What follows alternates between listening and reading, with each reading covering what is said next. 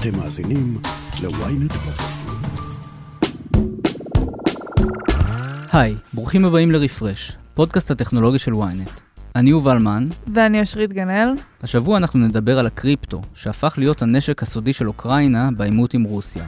על ההתרסקות של ענקית הטכנולוגיה הרוסית ינדקס, וגם על מכונה חדשה ומדהימה שתכין לנו כמעט כל משקה שנבקש ממנה, בהנחה שהיא אמיתית. קדימה, בואו נעשה רפרש. אושרית, מה נשמע? אה, הכל בסדר, מה קורה? לא רע, לא רע.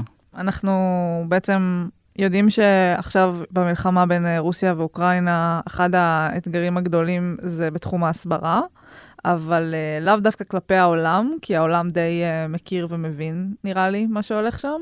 יותר uh, לגבי הרוסים עצמם, שבעצם uh, רוסיה הולכת ומבודדת אותם מבחינת uh, מידע ונותנת להם לצרוך רק uh, תקשורת שמטה את התמונה לטובתה, חוסמת עוד ועוד רשתות חברתיות וכולי. אז יש שם כל מיני מאמצי הסברה שמנסים להיות uh, יצירתיים, והם בעצם ניסו לכתוב כל מיני ביקורות uh, באתרים כמו גוגל מפס וטריפ אדוויזור, על כל מיני עסקים מקומיים ברוסיה, כשבעצם הם כותבים שם על מה שקורה במלחמה. אה, אחרי שהאתרים האלה התחילו לחסום את האפשרות הזאת, הם פנו לאפשרות יצירתית אחרת, שזה לכתוב פרופיל בטינדר, פשוט מידע על המלחמה באוקראינה, ואז לשנות את המיקום לכל מיני ערים בתוך רוסיה. נחמד, יצירתי מאוד. אנחנו מדברים פה לא מעט על NFT, אסימון חסר תחליף שמהווה הוכחת בעלות שמוטמעת בבלוקצ'יין על נכס דיגיטלי, בשנה שעברה נמכרו לפי הערכות NFTs בשווי של יותר מ-40 מיליארד דולר, אבל נראה שההתלהבות מתחילה לדעוך. לפי Non-Fungible, אתר שעוקב אחרי שוק ה-NFT, השווי הממוצע של פריט ירד מ-6,900 דולר בינואר לפחות מ-2,000 דולר בשבוע שעבר. די דרמטי. היקף העסקאות היומי, שעמד ב-31 בינואר על 160 מיליון דולר, ירד ל-26 מיליון דולר בלבד בתחילת מרץ. למה זה קורה? ההערכה היא שהירידה בתחלואה בקורונה לצד המלחמה באוקראינה וגם החשש מרגולציה אפשרית בארצות הברית גורמים לשוק הזה להתקרר. האם מדובר בירידה לצורך עלייה?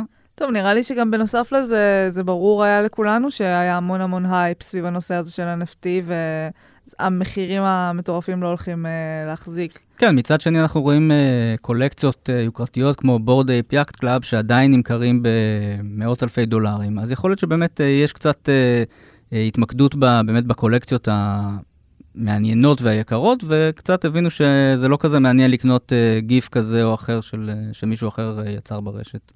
אבל ימים יגידו לאן זה ילך. אני כבר מזמן טוען ש-NFT כאן כדי להישאר, אבל לא, לא בצורה הנוכחית שלהם. הם יהפכו למשהו אחר. אנחנו נשתמש בהם בצורה אחרת, במקום לאסוף תמונות מהרשת. בשבוע שעבר דיברנו על זה שהמלחמה באוקראינה היא מלחמת הטיקטוק הראשונה, אבל נראה שאפשר לקרוא לה גם מלחמת הקריפטו הראשונה. מאז הפלישה הרוסית גייסה אוקראינה תרומות קריפטו בשווי של עשרות מיליוני דולרים, ובמערב חוששים שמוסקבה תשתמש במטבעות הדיגיטליים כדי לחמוק מהסנקציות שהוטלו עליה. אז לפי חברת המחקר אליפטיק, אוקראינה קיבלה יותר מ-118 אלף תרומות קריפטו בשווי כולל של כ-60 מיליון דולר, מדובר בביטקוין, אתריום וגם NFTs שנשלחו ברובם לממשלת אוקראינה, ובמקצתם לעמותה בשם Come Back Alive, שתומכת בצבא האוקראיני. אנחנו באמת רואים פה משהו שאני חושבת שהוא תקדימי, ממש אה, חשבונות טוויטר רשמיים של אוקראינה, שקוראים לקהל הרחב, בואו תתרמו לנו אה, במטבעות אה, קריפטו, מפרסמים את אה, ארנקי הקריפטו שלהם, ואנשים באמת אה, פותחים את הארנק הווירטואלי ותורמים. כן, ויכול להיות שזה רגע האמת של הקריפטו, כי המבקרים של אה, המטבעות הקריפטוגרפיים כבר מזמן אומרים שזה לא שימושי וזה מסוכן ומדובר בבועה, אבל הנה אנחנו רואים איך זה עוזר אה, לצבא האוקראיני במאבק שלהם נגד רוסיה. ולמה זה כל כך מעניין? כי באמת השימוש בקריפטו מאפשר לתומכים של אוקראינה ברחבי העולם להעביר לה כסף באופן ישיר ומיידי. הם לא צריכים להתעסק בהעברות איטיות ומסובכות לחו"ל דרך הבנק, הם לא צריכים להסתכן בכך שהכסף לא יגיע ליעד, בגלל שסניף כזה או אחר נפגע במהלך הקרבות. אתה לוחץ על כפתור, אתה צריך קצת להבין בקריפטו, אתה צריך ארנק אה, דיגיטלי כמובן, אבל uh, בשניות אתה מעביר את הכסף שלך uh, לאוקראינה, למי שצריך אותו. כן, אני לא חושבת שזה לכל אחד, באמת צריך קצת להבין בנושא הזה ולהיות בן אדם טכני יותר, אבל uh, מבחינת אוקראינה זה באמת מאפשר לה, כמו שאתה אומר, לקבל את התרומות בצורה הרבה יותר מהירה מבדרך המסורתית.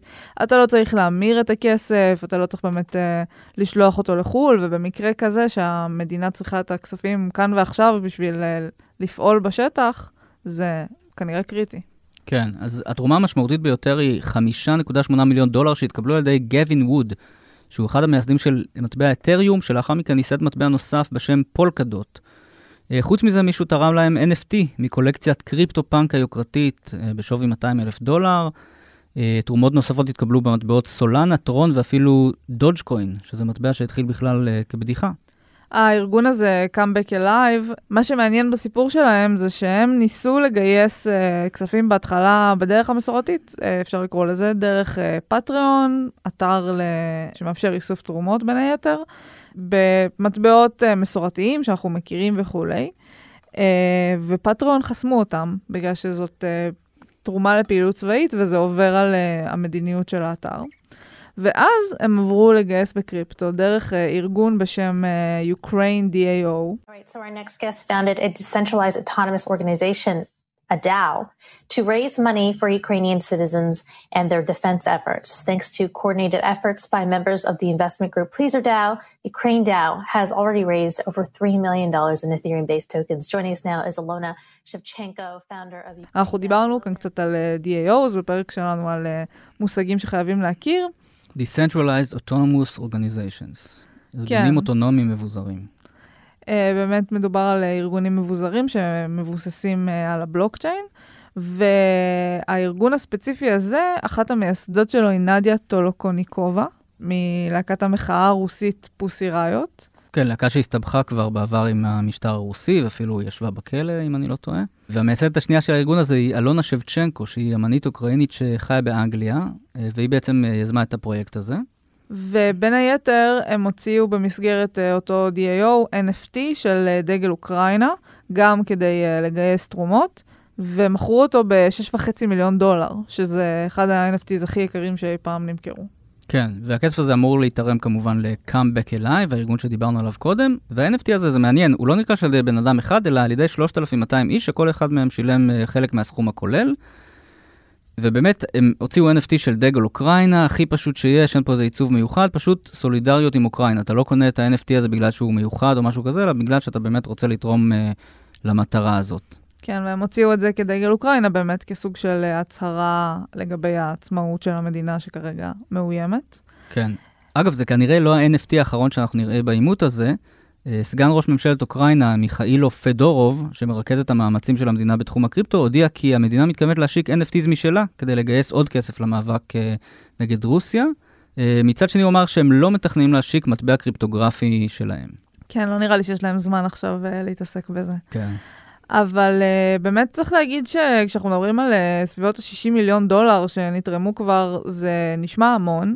זה לא הרבה במושגים של תקציבים uh, צבאיים, שאנחנו רגילים לדבר עליהם במיליארדים uh, רבים. Uh, מנגד, אני קראתי ראיון עם אלכס בורנייקוב, שהוא השר לענייני טרנספורמציה דיגיטלית של אוקראינה, משרד, אגב, חדש, בין שנתיים, משהו כזה. והוא סיפר על איך באמצעות מטבעות הקריפטו האלה הם רכשו ציוד צבאי מאוד מגוון, כולל גם חבילות מזון, גם וסטים שמגינים מכדורים, מכשירי ראיית לילה, תחבושות. Uh, בעצם אנחנו רואים שמדובר פה גם על ציוד באמת ממש צבאי, גם על ציוד רפואי, uh, מזון וכולי. דרך ספקים באירופה וארצות הברית, ככה שנראה שבמצב הזה גם סכום שנשמע לא מאוד גבוה, הוא, יש לו משמעות בשטח. הוא סיפר שאותם ספקים שהם רכשו מהם, 40% מתוכם היו מוכנים לקבל uh, את התשלום בקריפטו, as is, uh, ולשאר הם שילמו בכסף שהם המירו ליורו ודולר מתוך אותן תרומות בקריפטו. Uh, בנוסף, הוא דיבר באמת על הנושא הזה של ה-NFT, שחוץ מה-NFTs שדיברנו עליהם, שבאמת uh, הממשלה או אותו ארגון מוציאים כדי לגייס כספים, גם הם קיבלו תרומות של NFTs במסגרת אותו גיוס תרומות uh, קריפטו. ולגבי זה הוא אמר שזה דווקא כרגע מורכב להם להבין איך להמיר את זה ולמכור את זה וכולי. אז אה, נכון לעכשיו הם אה, שומרים אותם, וכשדברים יירגעו קצת, אז אה, אולי הם ינסו לפענח גם את זה. אם השיחה הזאת uh, עושה לכם חשק uh, לתרום בעצמכם לאוקראינה, אז כדאי ממש להיזהר. יש לא מעט הונאות סביב הקמפיין הזה של הגיוס תרומות לאוקראינה. Uh, למשל, חברת אבטחת המידע צ'ק פוינט פרסמה בשבוע שעבר דוח על הפעילות בטלגרם סביב העימות, ובין היתר עולה ממנו שיש לא מעט קבוצות בטלגרם שמנסות לגייס כסף לכאורה עבור העימות באוקראינה, אבל מי שעומד מאחוריהם זה בעצם נוכלים שיקחו את הכסף לעצמם. זה כמובן לא קורה רק בטלגרם, אני מניח שיש גם אתרים כאלה ברשת, אז באמת, אה, אם אתם באמת רוצים לתרום קריפטו לאוקראינה, תהיו בטוחים שהכסף יגיע לאן שהוא צריך להגיע. כן, תמיד כדאי לבדוק, לתרום לארגונים מוכרים, או ישירות לממשלה, שכמו שאמרנו, פרסמה כאן אה, כתובת ישירה. ונזכיר שברגע שאתה מעביר קריפטו, זהו, אין דרך חזרה.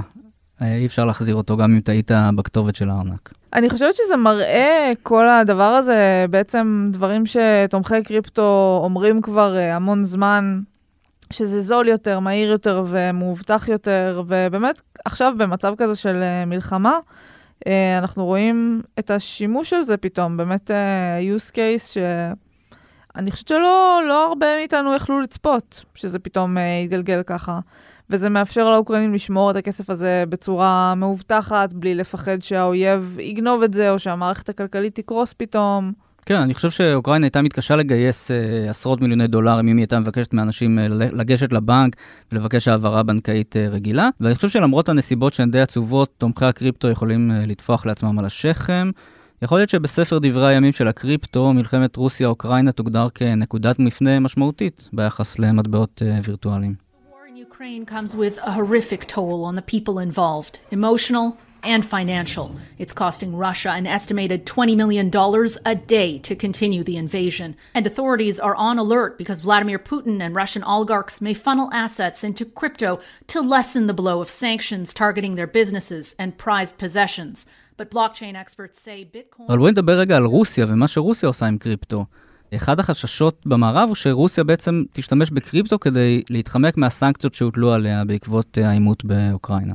כן, החשש המרכזי שהביעו אותו גם פוליטיקאים בארצות הברית בין היתר, זה שהאופי המבוזר של הקריפטו, העובדה שאין איזו סמכות uh, מרכזית שמנהלת את כל הנושא של הכספים, באמת uh, יאפשר לרוסיה לחמוק ככה מהסנקציות. כן, אבל יש מי שמטיל בזה ספק. מומחים אומרים שבעצם בבלוקצ'יין uh, הכל טרייסבול, uh, הכל ניתן למעקב, אמנם אנחנו לא יודעים תמיד לייחס למי שייך הארנק כשהכסף עובר אליו, אבל אנחנו יודעים לראות כשכסף עובר, ואפשר לפי הנסיבות להעריך למי זה שייך. חוץ מזה יש, uh, הבורסות הקריפטו הגדולות הן מפוקחות, הן לא יכולות לפעול בניגוד לחוק, בטח אם הן אמריקאיות, אז זה לא כזה פשוט להשתמש בקריפטו.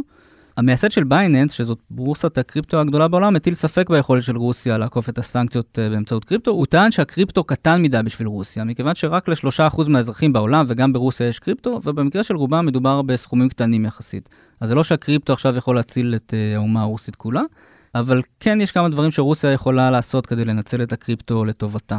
אחד מהם זה לכרות קריפטו בעצמה כמקור הכנסה, זה משהו שאיראן עושה כבר מזמן והיא מייצרת ככה הכנסות בגובה של אה, מיליארד דולר בשנה. היא יכולה גם אה, לנצל את היכולות המוכחות שלה, כמו שאנחנו מכירים בתחום הסייבר, על מנת לגנוב נכסי קריפטו, שזה משהו שצפון קוריאה נוהגת לעשות. וגם היא יכולה להשתמש בסופו של דבר בבורסות קריפטו שאינן מפוקחות כדי להעביר כספים אה, ללא הפרעה, הרחק מעיניהם של הבנקים שהם כפופים לסנקציות. כן, יש את העניין באמת אבל של ההיקף של ההעברות האלה, שבאמת אומרים אה, ברמה של אה, להציל עכשיו את אה, כלכלת רוסיה, הבלוקצ'יין פשוט לא יכול להתמודד נכון להיום עם כאלה סכומים. יש גם את הנושא של התנודתיות, שאי אפשר להסתמך על זה ברמה של מטבע מסורתי. אנחנו כן רואים אבל על רקע ירידת הערך של הרובל, שהיו הרבה העברות מרובל גם לביטקוין וגם לתתר, שזה מטבע דיגיטלי יציב שצמוד לדולר.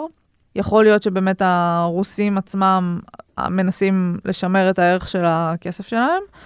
אמ, וגם שמענו קריאות מצד אה, ממשלת אוקראינה לאותן אה, בורסות קריפטו גדולות, לחסום את האפשרות בפני אה, רוסיה בעצם באופן גורף להשתמש בשירותים שלהם, ככה שלא רק הגופים של המדינה והאנשים שהוטלו עליהם סנקציות באופן אינדיבידואלי יהיו חסומים, אלא גם בעצם כל אזרחי רוסיה. אה, הבורסות אה, מתנגדות לזה וטוענות שהן אה, לא רוצות להעניש באופן גורף, שזה מנוגד בעצם לעקרונות של הקריפטו, שהן מדברות על חופש כלכלי גדול יותר לאנשים. ומעבר לכך, כרגע גם באמת אין דרישה חוקית לעשות את זה. המנכ"ל של קראקן, למשל, שזאת אחת גם מהבורסות הגדולות, התראיין ואמר שאם החוק ישתנה, אם פתאום באמת יהיו סנקציות גורפות, כמו למשל על איראן או על צפון קוריאה, וגם האזרחים עצמם אה, יהיו תח, תחת אותן סנקציות, אז הם כמובן אה, יעמדו בחוקים. זה מעניין לראות את כל האלמנטים הטכנולוגיים האלה בלחימה המודרנית. אנחנו דיברנו כאן אה, בשבוע שעבר על התעמולה ברשתות החברתיות ואיך שהיא מתבטאת. אנחנו יודעים כמובן על אה, מתקפות סייבר, שהן חלק בלתי נפרד מהלוחמה היום. אה, והנה גם הקריפטו נכנס לקטגוריה הזאת. כן, עוד נשק במלחמה. חברת הטכנולוגיה הרוסית ינדקס, שאתם אולי מכירים משירות המוניות או משלוחי המצרכים שלה, היא ענקית מקומית שזכתה לכינוי גוגל של רוסיה. אבל החברה שהייתה אמורה להפוך לשחקנית בינלאומית משמעותית, מתמודדת עכשיו עם נטישה של שותפיה במערב, ואפילו האשמות על שיתוף פעולה עם ממשל פוטין. כן, המניה של Yandex צנחה בכמעט 70% מתחילת השנה, ובעקבות הפלישה לאוקראינה המסחר פשוט הופסק בגלל התנודתיות. מטורף. כן, אז באמת אה, למי שלא מכיר, נספר שמדובר בחברת ענק שהוקמה ב-1997, יש לה מנוע חיפוש, שירות מייל, שירות מוניות, שירות סטרימינג, סייעת קולית בשם אליס. גם שירותי קניות ומפות. והיא פעילה גם בישראל. Yandex היא הבעלים של אה, חברת המוניות Yango, של אה, חברת הקורקינטים השיתופיים Wind, וגם של שירות Yango Deli שאמור לספק לתושבי גוש דן מצרכים תוך 15 דקות. יש לה פה גם משרדים, והיא עושה כאן ניסויים במכונית האוטונומית שלה וברובוט אוטונומי בשם רובר, שאמור לבצע משלוחים ממסעדות. היא פועלת ב-17 מדינות בסך הכל, והיא הוקמה על ידי ארכדי וולוז', שהוא אחד מאנשי העסקים העשירים ברוסיה. ינדקס התחילה להיסחר בנסדק בשנת 2011, בשיאה היא הייתה שווה 30 מיליארד דולר, היום היא שווה רק 7. במשך השנים אה, ינדקס הצליחה להרחיק את עצמה מהקרמלין, והיא דווקא לא מזוהה כחברה שפועלת לפי האינטרסים של אה, הנשיא פוטין, אבל זה לא ממש עזר לה. אה, בעקבות המלחמה באוקראינה, השותפות שלה, כמו חברת שיתוף הנסיעות Uber, חברת משלוחי האוכל Grubhub ומנוע חיפוש גו, הודיעו על ניתוק הקשרים איתה. ההודעה של Uber התייחסה ליוזמה משותפת שיש להן, שנקראת Yandex Taxi. Uber בעצם אה, תכננה למכור את החלק שלה בחברה המשותפת הזאת, וכרגע היא רוצה להאיץ את המכירה. ובנוסף לזה היא הודיעה שכבר אה, לא יהיו לה נציגים בדירקטוריון של אותה חברה. גו, שזה שירות חיפוש שידוע בזה שהוא ממוקד uh, פרטיות יותר, הודיעו שהם כבר לא ישתמשו ביאנדקס כדי להציג תוצאות חיפוש ברוסיה וטורקיה. וגראב-האב, שמשתמשת ברובוטים של ינדקס כדי לבצע משלוחים בקמפוסים, שאגב זאת uh, יוזמה שמנוהלת מתוך מרכז הפיתוח שלה כאן בישראל, גם הודיעה שהיא תפסיק את שיתוף הפעולה הזה. כן, חוץ מזה, ינדקס uh, הודיעה שהיא החליטה להשהות את ההשקה של שירותי ענן של החברה ללקוחות באיחוד האירופי, זה מוצר שהיא השקיעה בו 30 מיליארד דולר, וגם uh, החליטה להשהות את הניסויים ברכב אוטונומי שהיא עורכת במדינת uh, מישיגן בארצות הברית. גם בבריטניה יש קריאות להגביל את שירות יאנגו דלי שפועל שם. שם הם חוששים מזה שהחברה ידועה ככזאת שאוספת המון מידע על הלקוחות שלה. ומפחדים שהיא תעביר אותו לרוסיה, ולמה הוא ישמש שם, בעיקר כרגע כשבריטניה ורוסיה נחשבות אויבות של ממש. כן, ובנוסף לזה, כאמור, המשקיעים אה, מאבדים אמון בחברה, או שהם רוצים להעניש אותה, והמניה צנחה באופן דרמטי בשבועות האחרונים. אה, בכיר ביאנדקס אה, אמר בעילום שם לפייננשל טיימס כי בחברה עמומים מההתפתחויות והם לא ציפו שרוסיה תפתח במלחמה. הוא יודע שהסנקציות הפכו את פעילות החברה למאתגרת, ולמרות שלא הוטלו סנקציות על יאנדקס או על עובדים בחברה, הבכיר אמר שעם הזמן הסנקציות על רוסיה יקשו עליה להשיג את הטכנולוגיה שהיא זקוקה לה, על מנת לצמוח. כן, אז בעצם אין, אין כאן אה, סנקציות שמשפיעות עליה באופן ישיר, אבל הן uh, בהחלט משפיעות עליה באופן עקיף. כן, עכשיו גם מסתבר שגם העובדים שם בפאניקה, בגלל שהתגמול שלהם מורכב גם ממניות, וכאמור, המניה בצניחה. אנחנו יודעים על לפחות עובד אחד שהתפטר בזעם בעקבות הפלישה לרוסיה, הוא האשים את ינדקס בביצוע פשעים ואמר כי היא מסייעת לרצח ולמלחמה, וזה לא הכל. ב-2019 דווח שהחברה הסכימה לשינוי ארגוני, שמעניק זכות וטו לגוף שקשור לממשלה הרוסית, אה, וזה נוגע להחלטות מפתח, כמו כאלה שנוגעות לאבטחת מידע. אה, וזה משהו שבאמת אה, מעלה חשש לגבי הקשרים שלה לממשל הרוסי. ובנוסף לזה, יש כרגע האשמות מאוד קשות כלפיה בעצם על התפקיד שהיא ממלאת במערך התעמולה הרוסי, נקרא לזה, הפנימי. לכאורה. כן. אמ, שנוגע לזה שהיא פשוט מונעת אה, זרימת מידע לרוסיה שנוגע למלחמה, מגבילה את מה שרואים אה, במנוע החיפוש שלה ובעמוד הראשי שלו שמציג כל מיני כתבות. ובשבוע שעבר, לב גרשנזון, שהוא היה ראש תחום החדשות ב Yandex בעבר, אה, כיום הוא מתגורר בברלין. הוא האשים את החברה בזה שהיא אלמנט מפתח בהסתרת מידע מרוסיה שנוגע למלחמה. עודד את העובדים שם להתפטר, הוא פרסם פוסט בפייסבוק שהפך לוויראלי, ואחר כך הוא גם התראיין לאתר אה, Protocol וקצת הרחיב על זה יותר. הוא אמר שהוא הבין שבעצם זה מרכז המלחמה. לדבריו, עשרות מיליוני אזרחים ברוסיה לא יודעים שהמלחמה מתרחשת. לא יודעים שהרבה אזרחים וחיילים צעירים נהרגו. והסיבה היא ששדה התקשורת מצונזר, ויאנדקס הוא פורטל המדיה הפופולרי ביותר עם הקהל הגדול ביותר ברוסיה. בעצם לדבריו, אה, יש אה, כל מיני פילטרים שהחברה מכילה על אה, באמת הסיפורים שזוכים להגיע הכי גבוה בעמוד הראשי שלה ולתפוס את הכותרות הראשיות. זאת אומרת, זה לא סתם אגריגטור חדשות שהוא לחלוטין חסר פניות, אלא יש כאן איזושהי אג'נדה מאחוריו. ולדבריו, זה נובע מהסכם לא רשמי עם הממשל, שלפיו אותם סיפורים עליונים עוברים אה, באמת אה, תהליך אה, סינון. הוא אומר שלפי המקורות שלו, נכון להיום, אותם סיפורים יכולים להגיע מרשימה קצרה של 12 עד 15 מקורות בלבד, ושבכותרות האלה אין את המילה מלחמה, למשל, אלא יותר אה, מבצע מיוחד או כל מיני ניסוחים עדינים יותר. והוא קורא לזה פשוט כלי להפצת תעמולה. הוא אומר שהרבה מאזרחי רוסיה בכלל לא מתעניינים בחדשות. הם נכנסים ליאנדקס לכל מיני מטרות אחרות, אבל ברגע שהם עוברים בעמוד הראשי, אה, זה יכול לתפוס להם את העין, אם פתאום יהיה שם אה, משהו שונה. ופשוט מציגים להם תמונה שהכל בסדר, אין מה לדאוג. והוא קורא לעובדים שם או להפסיק לשתף עם זה פעולה לגמרי, או לשנות את זה באופן זמני, אפילו לחצי שעה, שעה, עד שישימו לב לזה, והוא אומר שרק זה כבר יכול לעשות הבדל. או פשוט להתפטר, אם אין להם מה לעשות. אה, הסיפור של ינדקס באמת מזכיר לי חברות סיניות כמו וואוי וטיק טוק, שמשלמות מחיר בגלל שהן פועלות במדינה מסוימת, אגב, ליאנדקס יש 300 עובדים בישראל, וממה שאני מבין, הפעילות שלה כאן נמשכת כרגיל, אם כי המנכ"ל יובל קינן עזב לאחרונה, בנסיבות שכנראה אינן קשורות למלחמה באירופה. אני חושבת שהן מזכירות את החברות האלה לא רק בגלל המחיר שהן משלמות, אלא גם בגלל שבאמת יש ספק לגבי עד כמה הן קשורות לממשל ועד כמה הן משתפות פעולה עם פשעים שהוא עושה. ועכשיו למשהו ממש מוזר. חברה בשם קאנה טוענת שפיתחה מדפסת מולקולרית למשקאות שיכולה להכין אלפי משקאות שונים בלחיצת כפתור. משקאות קלים, קפה קר, קוקטיילים ואפילו יין. in the industrialized world has water. So, you know, the concept that we came up with about three years ago was can we take just that 1% that differentiates water into coffee, tea, juice, soda, beer, wine, liquor, whatever, and just shift the 1% and then have people use water in their home and effectively make a beverage printer. אני חייב להודות שאני סקפטי, אבל אני אשמח לאכול את הכובע, אה, או לשתות את המוחיטו של קאנה. צריך להגיד שמדובר בחברה שמעולם לא שמענו עליה עד היום, ופתאום היא צצה בחיינו עם הבטחה לאיזה מוצר אה, מאוד מאוד אה, מהפכני. אז אה, היא טוענת שהיא פיתחה מכשיר לשימוש ביתי שיקרא קאנה 1 ויגיע לצרכנים בתחילת אה, 2023. הוא יעלה 500 דולר ל-10,000 הרוכשים הראשונים, ולאחר מכן המחיר יעלה ל-800 דולר.